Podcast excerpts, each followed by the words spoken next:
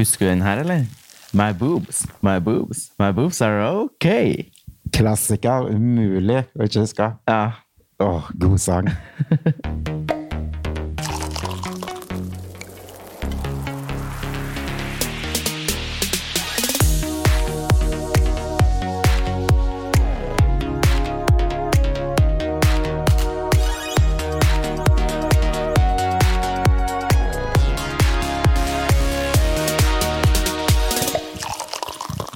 fredag, og velkommen til en ny episode av Bobler og Børek. Jeg heter Magnus, og med meg har jeg Jon. God fredag. Endelig helg. Endelig helg og tid for vin. Tid for vin og den gode praten. Og den gode praten, ja. I dag så har vi med oss en uh, gjest. Mm. Har du lyst til å presentere gjesten? Ja. I dag har vi med oss Lene Alexandra. Eh, ei dame som er kjent for mye spennende. Velkommen til oss. Tusen takk. Det er hyggelig å ha deg her på besøk hos Bobler og Børek. Det er veldig hyggelig å få kunne komme hit til eh, Bobler og Børek. Ja, så bra. Eh, Du har jo hatt en ganske spennende og variert karriere. Kanskje du kan fortelle oss litt om deg selv? Oi, hva ønsker du å vite? Hvordan starta din, eh, din karriere i rampelyset? Eh, ja, uh, hva skal jeg si? Uh, jeg var jo modell da jeg bodde i Oslo. og så var jeg på en musikkvideoinnspilling med Tungt vann. Mm. Og så var jo det den perioden hvor Christer Falk var programleder i Robinson. Og jeg vet ikke, men når man er yngre, så er det litt sånn spennende med kjendiser. Og jeg var jo ikke selv kjent da, så jeg syns jo det var veldig stas. Eh, og tenkte jo det at eh, han må jeg jo skravle med. Og dessuten så var jo han også eh, Hadde jo eget plateselskap, og jeg hadde jo lyst på platekontrakt. Ja. Så da gikk jeg jo bort til han, og så um, var jo egentlig mitt mål å få en platekontrakt, men jeg fikk ikke det første kvelden. Men, men han, eh, han overtalte meg til å være med i Robinson-ekspedisjonen. Mm. Men egentlig så tenkte jo jeg at herregud, reality det er jo skikkelig teit. Eh, Men eh, han sa jo det at jeg kunne jo utfordre meg og utvikle meg på opplevelsen. Og så kunne jeg jo få et kjent navn som senere kunne gjøre at jeg kunne få platekontrakt. Og da Mm. var jeg jo solgt. Ja. Så da var det å kaste seg inn i det. Mm. Hvor langt var det du kom i Robinson-ekspedisjonen? Jeg kom jo ikke veldig langt. Jeg kom et stykke. Jeg innså jo at jeg var mye tøffere enn jeg var klar over. Mm. Eh, jeg lærte utrolig mye av å se meg selv på TV også. Å, shit. Eh, men eh, jeg vant jo i PR, da. Ja, så jeg fikk jo, fikk jo den oppmerksomheten og det navnet som jeg ønsket. Ja. så målet mitt ble jo nådd. Ikke sant? Ja. Hvor lang tid etter, etter Robinson var det du ga ut den første låten? Oi, wow. Det, det husker jeg ikke i måneder og dager. eh, men eh, det gikk jo veldig unna etter Robinson-ekspedisjonen, for jeg ble jo på mange måter en sånn promodukke eh, for Christer og Robinson-ekspedisjonen, og han kastet meg rundt i all slags intervjuer, og jeg til og med kjørte jo den boobs-bilen min i rosa og hvitt opp på eh, stortingstrappa, og eh, deltok i valg, og det var jo i alle medier, både lokalradioer og på TV Norge og TV3 og VG og ja. Ja. Og plutselig sto jeg jo på VG-lista topp 20 og opptrådde for hundrevis av mennesker, så eh, jeg rakk ikke å tenke så mye. Nei, det gikk Alt fort. gikk unna, ja. Ja. Men klarte du å henge med i svingene? Fikk du puste mellom slagene? For det var jo liksom, alt skjedde jo. Nei, det er jo først i år jeg egentlig har pustet. Helt ærlig, jeg følte meg bare som en maskin, eller sånn fjernstyrt Barbie. Og, og det var jeg ganske god på. Eh, Helt til jeg etter hvert begynte å få egne meninger. Og da, da var ikke det like enkelt. Hvor mange Eller det var jo ganske mange hits du ga ut. Var det, og det var jo veldig stort i Norge. Var det også Ikke bare i Norge, utenfor? Magnus. Nei, det var det, det, var det jeg skulle spørre om. Ja, nei, vi hadde jo hits i mange land. Norge, Sverige, Danmark, Finland. Jeg tror jammen det var borte i Kina òg, jeg. Jeg husker ikke alle landene. Men det ble jo en hit i veldig mange land. Ja. Og eh, så vant vi jo pris også for musikkvideo. Den var jo eh, mest nedlastet i Sverige over Beyoncé og Shakira med 'Beautiful Liar'. Ah, Og så turnerte jeg jo i, ja, i Finland og i Holland. Jeg var jo på sånn TV-show som eh, Pink og Madonna hadde vært før meg.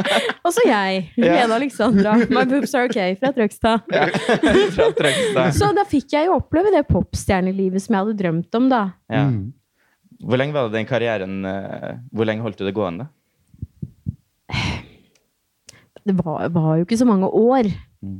Eh, for jeg, for jeg forsto jo raskt at det handlet jo ikke bare om å synge. Det var jo veldig mye mer, og det var jo eh, hva skal jeg si, veldig mye jeg kanskje måtte gjøre som jeg ikke hadde så lyst til å gjøre. da. Mm. Eh, og jeg husker jeg satt i eh, Jeg var i Nederland, det på et hotellrom for meg selv alene, for jeg var jo ute og turnerte også, eh, og var på promo i Holland alene. og så satt jeg der i den store hotellsenga og spiste en hamburger, og så tenkte jeg ja, ja. Er det dette som er popstjernelivet? og da ble det litt sånn hmm. Is this it? Ja. Ja. Ja. Det er jo en helt sinnssyk reise du har vært igjennom, da. Uh, og det som, men det som er så morsomt, sånn uansett hva du gjør, så går du jo inn 200% i det. Uh, det har du bevist gang på gang når du hopper inn i en ny fase, utvikler deg videre. Uh, du er jo en maskin uansett. Ja, tidvis har jeg vel kanskje vært det. Altså, jeg er jo eh, veldig sånn uh, prestasjonsrettet og resultatdrevet, da, har det vist seg. Uh, og um, det er ikke alltid noe jeg kan noe for, men jeg liker ikke å gjøre ting halvveis.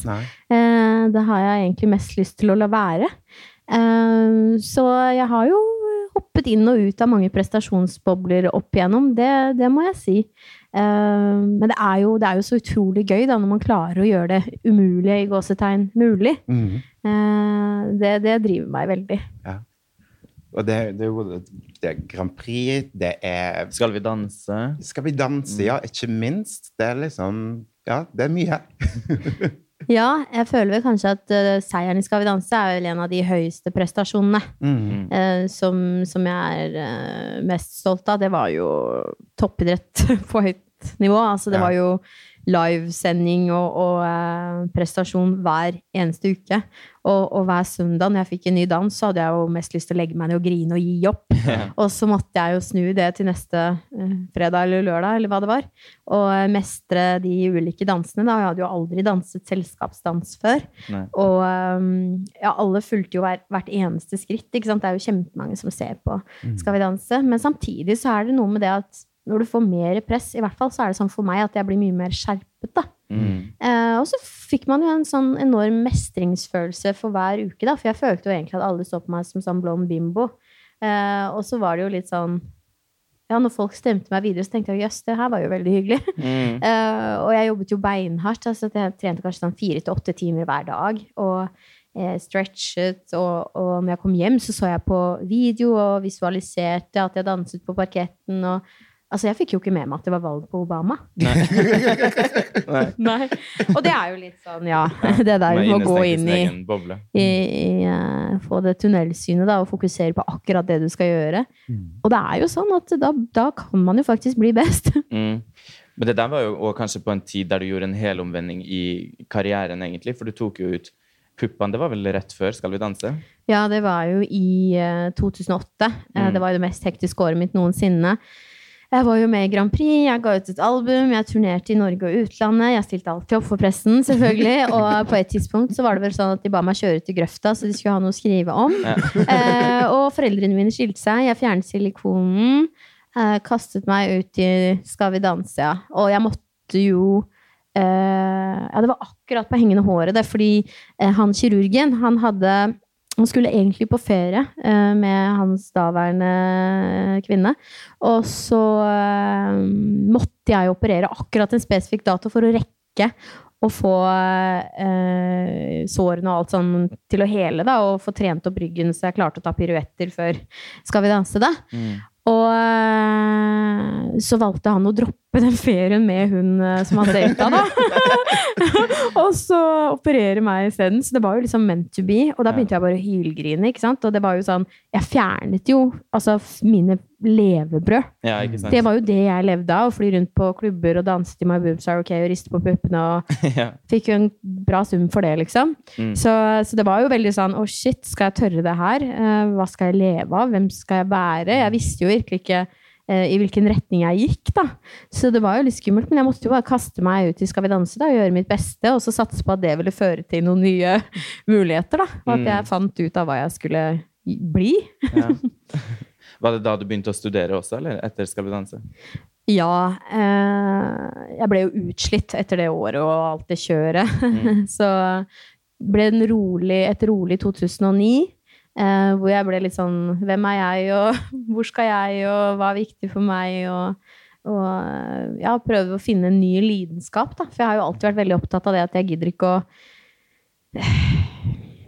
jobbe for noen. Altså, jeg vil jobbe for meg selv, jeg vil eh, ha frihet, jeg vil uh, jobbe for noe jeg brenner for, da. Det er ja, viktig for meg. Ja. Mm.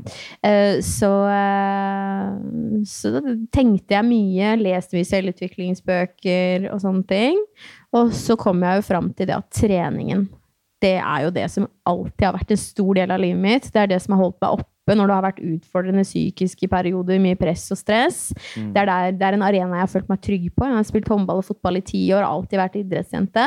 Som kanskje ikke var det det var mest fokus på først når jeg var i media. Så er det jo det som er meg. Um, så begynte jeg å trene litt med personlig trener, fikk veldig mestring på det. Hadde jo fortsatt spiseforstyrrelser og oppdaget jo at styrketrening gjorde at jeg fokuserte på å bli sterk istedenfor tynnest mulig. Begynte å spise mer og lærte veldig mye om eh, kosthold og trening. Og det falt veldig naturlig for meg. Og så sa jo hun personlig trener det samme. Herregud, du burde jo bli personlig trener. Du kommer til å bli kjempebra personlig trener. Jeg bare Jeg? Jeg hadde ikke helt tro på det akkurat der og da, men hun så jo potensialet, og det var jo helt fantastisk. Så jeg hadde jo 50 000 igjen, tror jeg, av sparepengene mine fra den eh, showbiz- og boobs-perioden. Mm. Eh, og så valgte jeg da å bruke de siste pengene på å eh, gå PT-utdannelse, da. Så jeg hadde jo egentlig ikke noe annet valg enn å bare lykkes. Og bare sånn for sikkerhets skyld, da, for å gi meg litt ekstra press på skuldrene, så gikk jeg ut i VG og sa at nå skal jeg bli PT! så jeg kjente veldig på det presset, da. Ja. og jeg var jo dødsnervøs eh, i forhold til eksamen og sånn, for jeg har jo aldri vært noen skolejente. Jeg satt jo bare og dagdrømte om å bli artist og levde yeah. min egen verden. Eh, men det var helt annerledes når jeg plutselig skulle lese om noe som jeg syntes var interessant. Mm. Og noe som var målrettet. da, At det var en grunn for at jeg skulle lære det. Yeah. Eh, og eh, da plutselig jeg jo, fikk jeg jo en av de beste besvarelsene i klassen. Eh, og så tok det bare noen dager, for jeg hadde jo blitt headhuntet til en PT-jobb. Og så hadde jeg slått rekord på salg da etter to dager på jobben. Og da hadde jeg jo solgt for mer enn noen noensinne hadde solgt for første måneden, da, på to dager. Så, eh, så det var jo helt utrolig. Men jeg, jeg jo, følte jo sånn press på meg, og veldig sånn i forhold til det å føle at jeg kunne få til noe annet enn å bare synge og fjase og vise fram kroppen min også. Da. Ja, sant. Eh, og jeg var livredd for ikke klare å skape resultater for kundene mine. da. Ja. Så jeg jobbet jo kanskje dobbelt så hardt som alle andre, for jeg følte jo virkelig ikke at jeg var der jeg ønsket å være. Jeg hadde, hadde noe å bevise, da. Mm. Eh, både for meg selv, men også for andre. Og eh, da var det utrolig kult da jeg hadde en av de første kundene mine som gikk ned 18 kilo på fire måneder. Da. Mm. Og da kjente jeg at eh, wow, Ja. det her kan jeg faktisk bli jævlig god på. Og eh, dette er noe som gir meg mening, da. Eh, jeg hadde jo også mye erfaring i, forhold til at jeg hadde testet x antall ulike dietter og hatt spiseforstyrrelser i mange år. Ja. Så uh, klart at ja, PT-utdannelsen var jo én ting, men uh, egen erfaring er jo virkelig verdifullt. Men du gjorde det jo veldig bra innenfor fitness også. Ja, eh, jeg, eh, jeg hadde jo en sånn periode hvor jeg fokuserte på bra nok, eh, istedenfor å være så ekstrem og streve etter perfeksjonisme. Uh, og da, da skrev jeg jo faktisk også den boken, Bra Ja. nok, som jeg egentlig burde lese med jevne mellomrom, for det er jo fort gjort å falle tilbake og bli litt ekstrem. Eh, og det var jo det som skjedde da, når jeg hadde um, hatt fokus på helse og bra nok en periode. Så begynte det å bli litt sånn at uh, jeg ble litt rastløs i, i føttene og kjente på det, den lukten av sagmugg og sirkushesten følte for å eh, få litt action og spenning i livet igjen. da. Og da kom jeg på det at da jeg var 16, så drømte jeg jo egentlig om å stille i fitness. Og nå kan jeg jo veldig mye om trening, og har jo trent ganske bra noen år. Kanskje det er på tide at jeg stiller i en konkurranse? Det hadde jo vært spennende. Da kunne jeg lære enda mer og bli en enda bedre coach. Ja. Og så Eh, da gikk jeg vel bare inn på internett, og så søkte jeg på en konkurranse eh, i LA, da. Fordi jeg hadde så veldig lyst til å Jeg føler liksom da jeg er 35, det er sånn Jeg er ikke helt klar for å bli voksen ennå.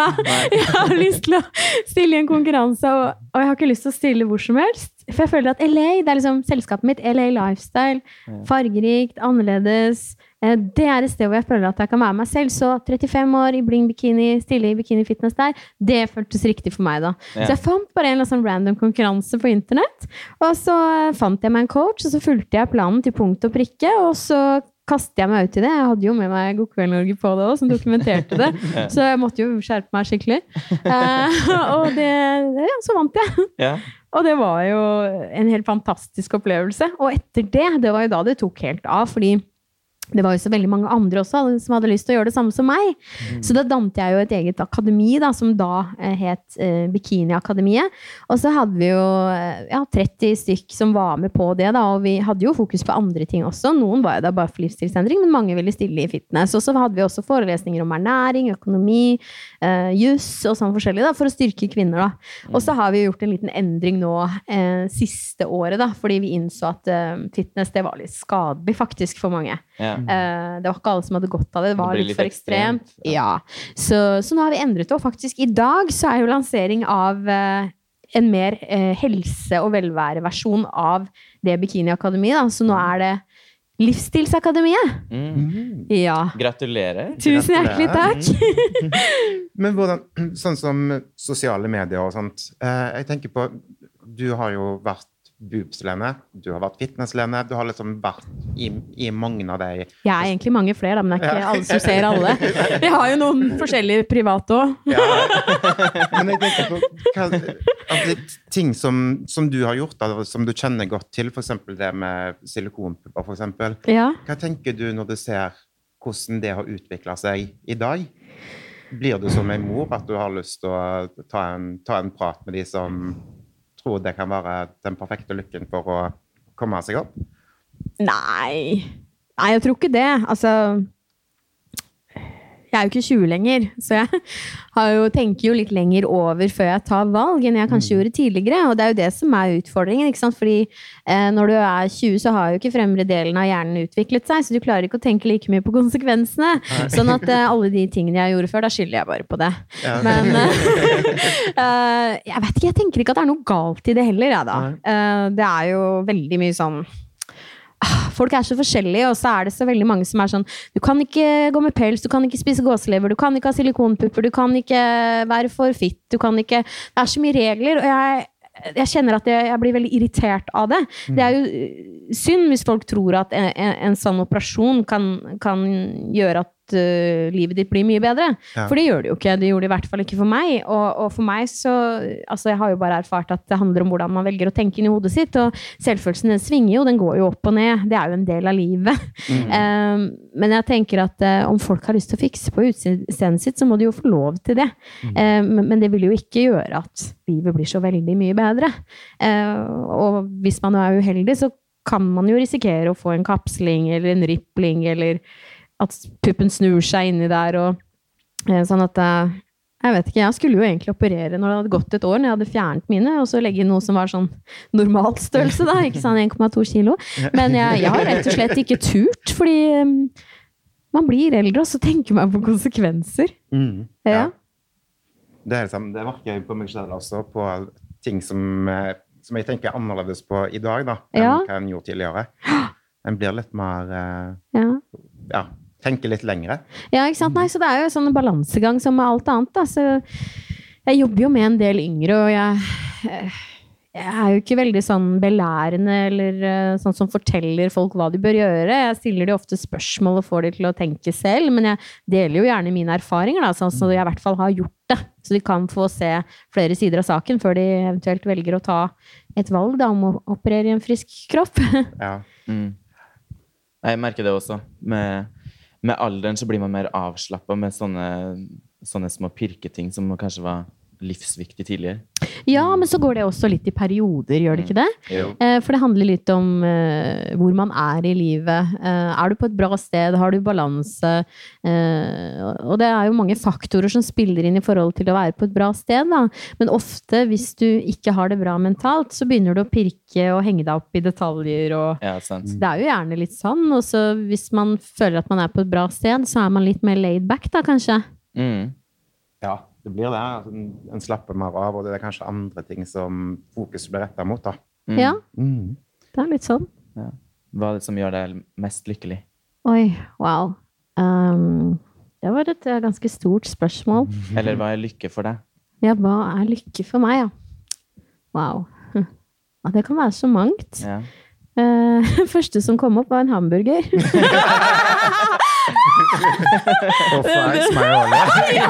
Søtpotet fries og hamburger med ost. Og nå, og nå har jeg forlovet min vi er inne i en sånn periode for vi skal til Spania. Og da, da har vi tatt vekk all ost og sukker og alt.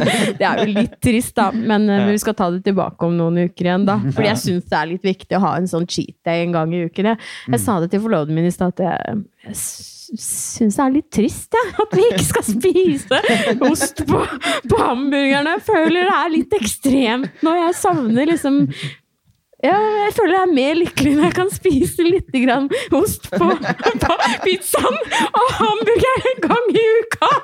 Altså, på fredag spiste vi sønt på den pizzaen uten ost! Det var helt for jævlig! Å, fy fader, ass! Nei, nei, nei, det er hardt. Det er hardt. Nei, det hørtes trist ut, ja. Nei, man må jo holde seg young, fit and fabulous forever. Når blir det bryllup, da? Nei, det, det blir jo på sommeren. Ja. Ja. Spennende. Ja, jeg har ikke rukket å tenke så mye på det. For det skjer jo så mye. Mye jobb, og mange som skal bli skikkelig fit i januar. ja, ikke sant? Det er jo, tar jo helt av. Alle vil jo være fit and fabulous. Ja. Det er jo sånn. Ja. Alle sammen legger bort juleribba og Ja. ser frem mot sommerkroppen. Og det er jo så gøy også. Ja. Eh, Det er jo så enkelt. Altså, det er jo bare små justeringer. Kostholdet er jo 80 og hvis Ja. man bare følger noen enkle kostholdsprinsipper, så kan man jo bli så mye mer fit og fabulous på bare fire til seks uker. Ja. Mm, ikke sant? Kutt Ja. ut osten på hamburgeren. ja! Uff, det er litt trist, da. Men, men det er jo det som er greia, at eh, det handler jo om den balansen, ikke sant? Fordi eh, litt ost på pizzaen kan du ta en gang i uken, men det er klart at hvis du spiser eh, pizza med ost og, og drikker hver eneste dag, så blir det jo litt mye. Ja. Eh, sånn at eh, det er en del som har litt sånn ikke helt kontroll på minus og pluss i det regnskapet, da. Ja. Det blir jo akkurat som med penger. Du bruker jo ikke mer penger enn du har. Og så er det jo veldig mange da som ikke skjønner helt hvorfor de ikke går ned i vekt, da. Og så spiser de kanskje veldig sunt, da. Mandag, tirsdag, onsdag, torsdag, fredag. Og så drikker de som faen på lørdag! da blir det jo altfor mye kalorier, ikke sant? Ja, ikke sant. Ja, man må ofre noe, og Eller hva sier du, Jon? Jo, det er sant. det, jeg tror nok det er mange skjulte kalorier som jeg ikke tenker over. Ja, og det er jo egentlig så lett. ja, det er jo det. Ja. Men jeg tenker jo at, med en sånn, at man bør ha en, en god balanse.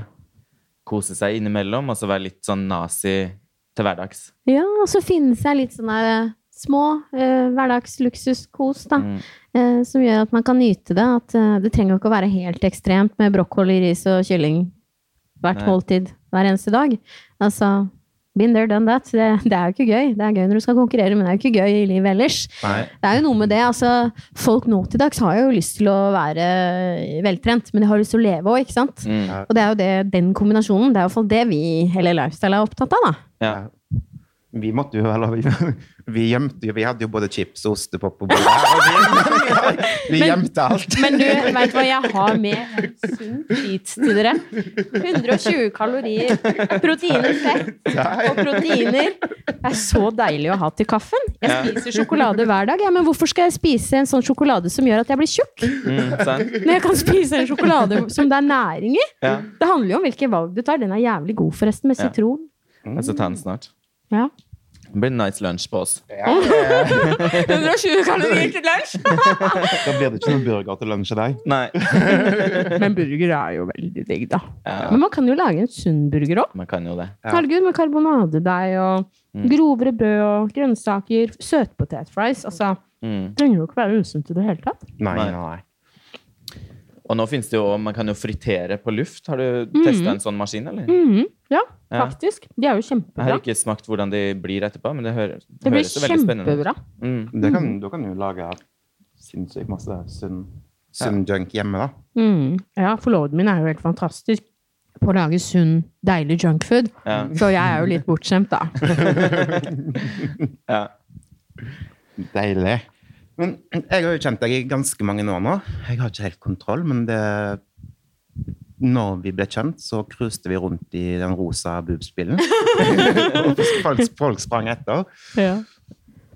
Mm, når det kom, så jeg, jeg føler at jeg har Hva skal jeg si? Jeg føler jeg kjenner deg litt på en annen måte enn uh, hva ganske mange gjør. Ja. Jeg, og jeg syns det er veldig sånn morsomt. Jeg husker vi har diskutert dette for lenge siden. Med at eh, når, sånn som med endring og sånt, så jeg føler jo at du alltid har vært den samme personen. Eh, for jeg kjenner det som er bak. Jeg kjenner latteren din. Jeg kjenner den gøyale, gøyale personen som, eh, ja, som sprudler og blomstrer hele veien. Eh, jeg har vært heldig og fått opplevd mange forskjellige sider av deg. Vi har vært på ferie sammen. Jeg har heia på deg på Skal vi danse. Eh, og så har vi jo også hatt perioder der vi ikke har hatt så mye kontakt. Eh, Men allikevel, når vi møtes, så er det liksom som om det bare har gått noen, noen dager. Og det er fordi vi har vært på forskjellige, forskjellige steder i livet og vært opptatt med, med hver vårt. Mm. Men, men hvordan, hvordan er det med vennskap? Jeg tenker på eh, Du må jo hele veien, når du er en offentlig person, få folk som ønsker å ha deg med på ting, bli, få deg med i vennegjengen. Klarer du å skille på det som er ekte og ikke ekte? Oi, wow. jeg vet ikke helt. Altså, det, det er jo både og. Um, jeg var nok litt mer naiv tidligere. Uh, og så kanskje ikke hele bildet da. Uh, nå i senere årene har jeg kanskje blitt mer, mer uh, våken på det, da. For det er jo veldig ofte sånn at eh, noen har en agenda som man kanskje ikke tenker over, da. Det vel kanskje litt i livet generelt. Trenger ikke nødvendigvis å være bare fordi man er kjendis, men det kan jo være at man har noe annet som andre vil ha. Eh, Veldig mange mennesker tenker jo aller, aller mest på seg selv eh, og tenker 'what's in it for me'? Um, men sånn for min del så er det jo sånn at jeg Jeg har jo alltid hatt eh, venner som som er der. Altså både i medvind og motvind. Men så har du jo også de som er veldig med i medvind. Og så hvis det er en periode hvor du ikke er der, eller hvor, hvor det ikke skjer så mye, eller hvor du ikke er så mye i media, så plutselig er de borte. Ja. Uh, sånn at eh, det finnes jo alle mulige slags eh, mennesker, da. Men så er det jo også det at det skjer ting i livene til folk også, så det er jo ikke alltid det er personlig hvis noen plutselig blir borte. Eh, det kan jo også være at de har mer enn nok med seg selv og sine egne liv, da. Eh, men jeg tenker jo det at eh, ekte venner, da, i gåsetegn, de vil jo alltid være der, og de er der kanskje også når du har utfordringer, da, sånn at du kan ringe og si at nei, nå, nå går det ikke så veldig bra. Eh, og så vil de faktisk stille opp. Eh, men så har du jo også de som bare er medvindsentusiaster, da. Eh, som da velger å skli unna. Eh, men venner er jo utrolig viktig, og eh, jeg har jo eh, de siste årene jobbet beinhardt for å bygge opp eh, selskapet mitt. Og eh, da har jeg jo jobbet i overkant mye, eh, og jeg har jo kjent på det noen ganger at jeg har ikke kunnet ha muligheten til å stille opp så mye som jeg ønsket for vennene mine. Da. Det har jo vært veldig kjedelig. Eh, men så har jeg jo vært nødt til å jobbe så mye også. Eh, og eh, da jeg satt i julen og ved nyttår, eh, så så innså jeg hvor, eh, hvor viktig det er da, å ha venner i livet sitt. Og, og det har jeg jo da valgt å ta mer tilbake.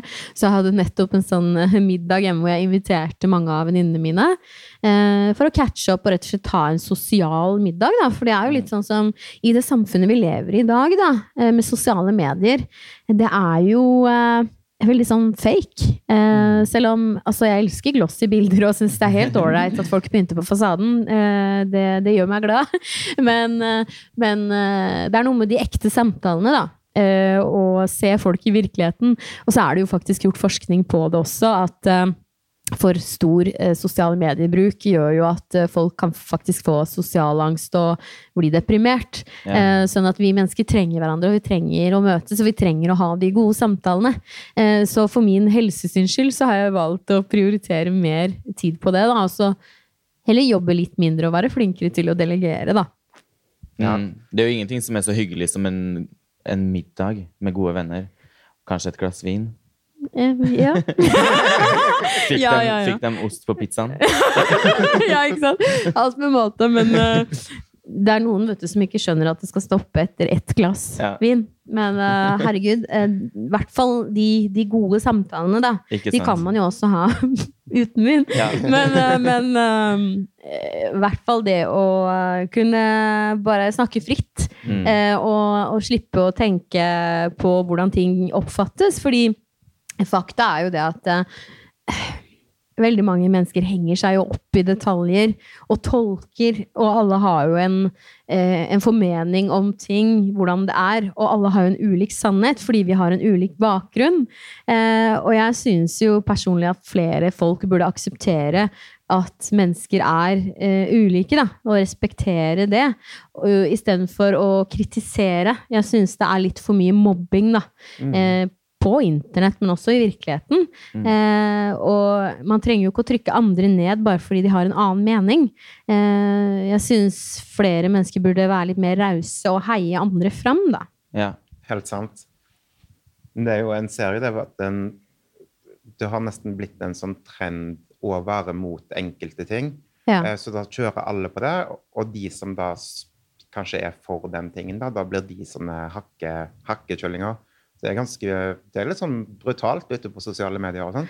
Ja, det er så barnslig, og det er så unødvendig. Eh, kan ikke folk bare gjøre som de vil, da? Eh, altså Hvis noen har lyst til å operere silikon eller bade med delfiner, spise gåselever eller hva som helst altså, Uansett hva man gjør, da, så er det jo feil. Mm. Det er jo umulig å please alle andre uansett. Så, mm. så, man må jo bare gjøre det man har lyst til. Men så er det jo sånn også, da, at hva man velger å poste og ikke, det ja. kan man jo velge selv. Ja. Uh, men det er jo interessant, da, for folk tror jo at du er akkurat som på Instagram. Ja. Mm. De tror jo at det er det du gjør, og du har ikke noe liv utenom. Jeg må jo si det at livet mitt er jo mye mer spennende, og det skjer jo mye mer enn det som er på Instagram. Ja, sant. Nei, det har jo blitt sånn. At man uh, men det er jo hvordan Så du kan man, jo velge selv hvem du vil være?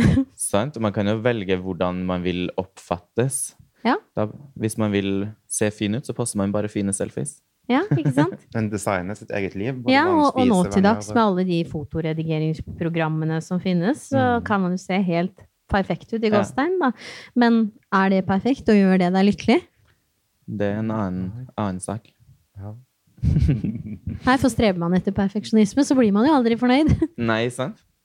Det er alltid noe som kan ordnes på, eller forbedres, eller ja. Ikke sant? Og det er det som er det spennende og interessante og jævlig irriterende til tider med livet, da. Ja. Fordi det handler jo mye om å balansere mellom ytterpunkter, uansett hva det gjelder. Eh, om det handler om å jobbe, eller om det handler om trening. Eh, eller, altså, ingenting skal jo overdrives. Og det er jo det som er vanskelig, for det er jo veldig lett å ligge på sofaen og spise potetgull. Mm. Og det er jo veldig lett å gi gass og hoppe all in. Men ja. det er jo det midt imellom som er det som er utfordrende. Mm. Og det er jo veldig få mennesker som klarer å være der til enhver tid. Mm. Ja, det er jo det. Det er veldig mange som snakker om det å, å være seg selv, at man skal, eh, ja. skal være seg selv 100% og sånn. Ja. Er du deg selv 100% Du, For å være helt ærlig, så det har jeg tenkt på mange ganger, og det er et veldig interessant spørsmål.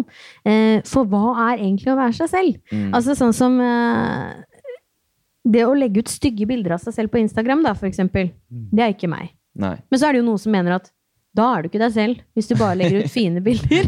Skjønner du? Ja. Men det ville jo aldri falle meg inn å legge ut en sånn helt random Snapchat. det er jo ikke meg. Nei. Man vil jo gjerne poste etter man har kanskje kledd på seg og ja. sminka seg og på en måte fiksa seg litt. Ja, det, altså det, det, handler litt om Jeg vet ikke. Det, det, faller naturlig for meg da, å representere meg selv på en best mulig måte. Ja. Uh, og jeg liker fine ting, og jeg liker at ting Jeg syns det er Jeg blir inspirert da, når jeg ser uh, vakre bilder i blader, eller uh, fine møbler, eller Altså, det gjør meg glad. Ja. Og det betyr jo ikke at, at jeg er overfladisk. Altså, jeg kan jo fortsatt være opptatt av å hjelpe mennesker, eller tilby å, å delta i noe for en god sak. Altså Mm. Men det er mange som tror at det ene utelukker det andre. Da. At hvis du eh, er så opptatt av fine ting, så bryr du deg ikke om andre. Og det, det er jo ikke sånn at eh, det ene utelukker det andre. Nei, sant. Um, det jeg tenker at folk burde være litt mer eh, forståelsesfulle for, er jo det med at vi mennesker har jo mange fasetter. Eh, og et lite utsnitt ser du kanskje i, på Instagram eller i media men uh, alle mennesker har jo mange flere lag. Mm. Uh, men så handler det jo om det å faktisk uh, være åpen for å se det, da. Og ha tro på, på det, og være interessert i andre mennesker og stille spørsmål. for det du får i, i f.eks. sosiale medier, det er jo et førsteinntrykk. Mm. Det er jo først når du treffer mennesker i virkeligheten, at du kommer under huden og, og blir mer kjent med mennesker. da. De fleste er jo ulike ulike personer. Man er kanskje én person på jobb, og så er man én person uh, i media, kanskje en person på Instagram. Man har jo ulike mm. personligheter. Absolutt. Og så handler det jo litt om det også, um, om å beskytte seg selv. Eh, trygghet. Mm. Uh, en fasade tror jeg kan være en beskyttelsesmekanisme for mange. For du ønsker kanskje ikke å dele alle lagene med alle, og så bestemmer du jo selv da, hvem du vil slippe inn i den indre sirkel, og, og hvem du vil holde på avstand. Mm. Det er jo litt sånn hvilke mennesker som du føler deg mer trygg på. Da. Det er ja. jo noen man har mer kjemi enn med andre, og det er jo gjerne de som har en del likhetstrekk. Da. Eh, og så er det jo noen mennesker som er litt mer open-minded og uh, altetende. Ja. ja. Det er sant. Det har vært uh, veldig interessant å ha deg med oss her i dag, Lene. Jo, takk. Det har vært veldig hyggelig å um, ha en god samtale på en søndag. Mm, det er deilig. Perfekt. Så Tusen takk for at du var med oss. Tusen takk for at jeg fikk komme. Mm. Og vi andre snakkes neste fredag. Yes. Det gjør en vi. uke til. En uke. Ha det bra. Ha det bra. Hei.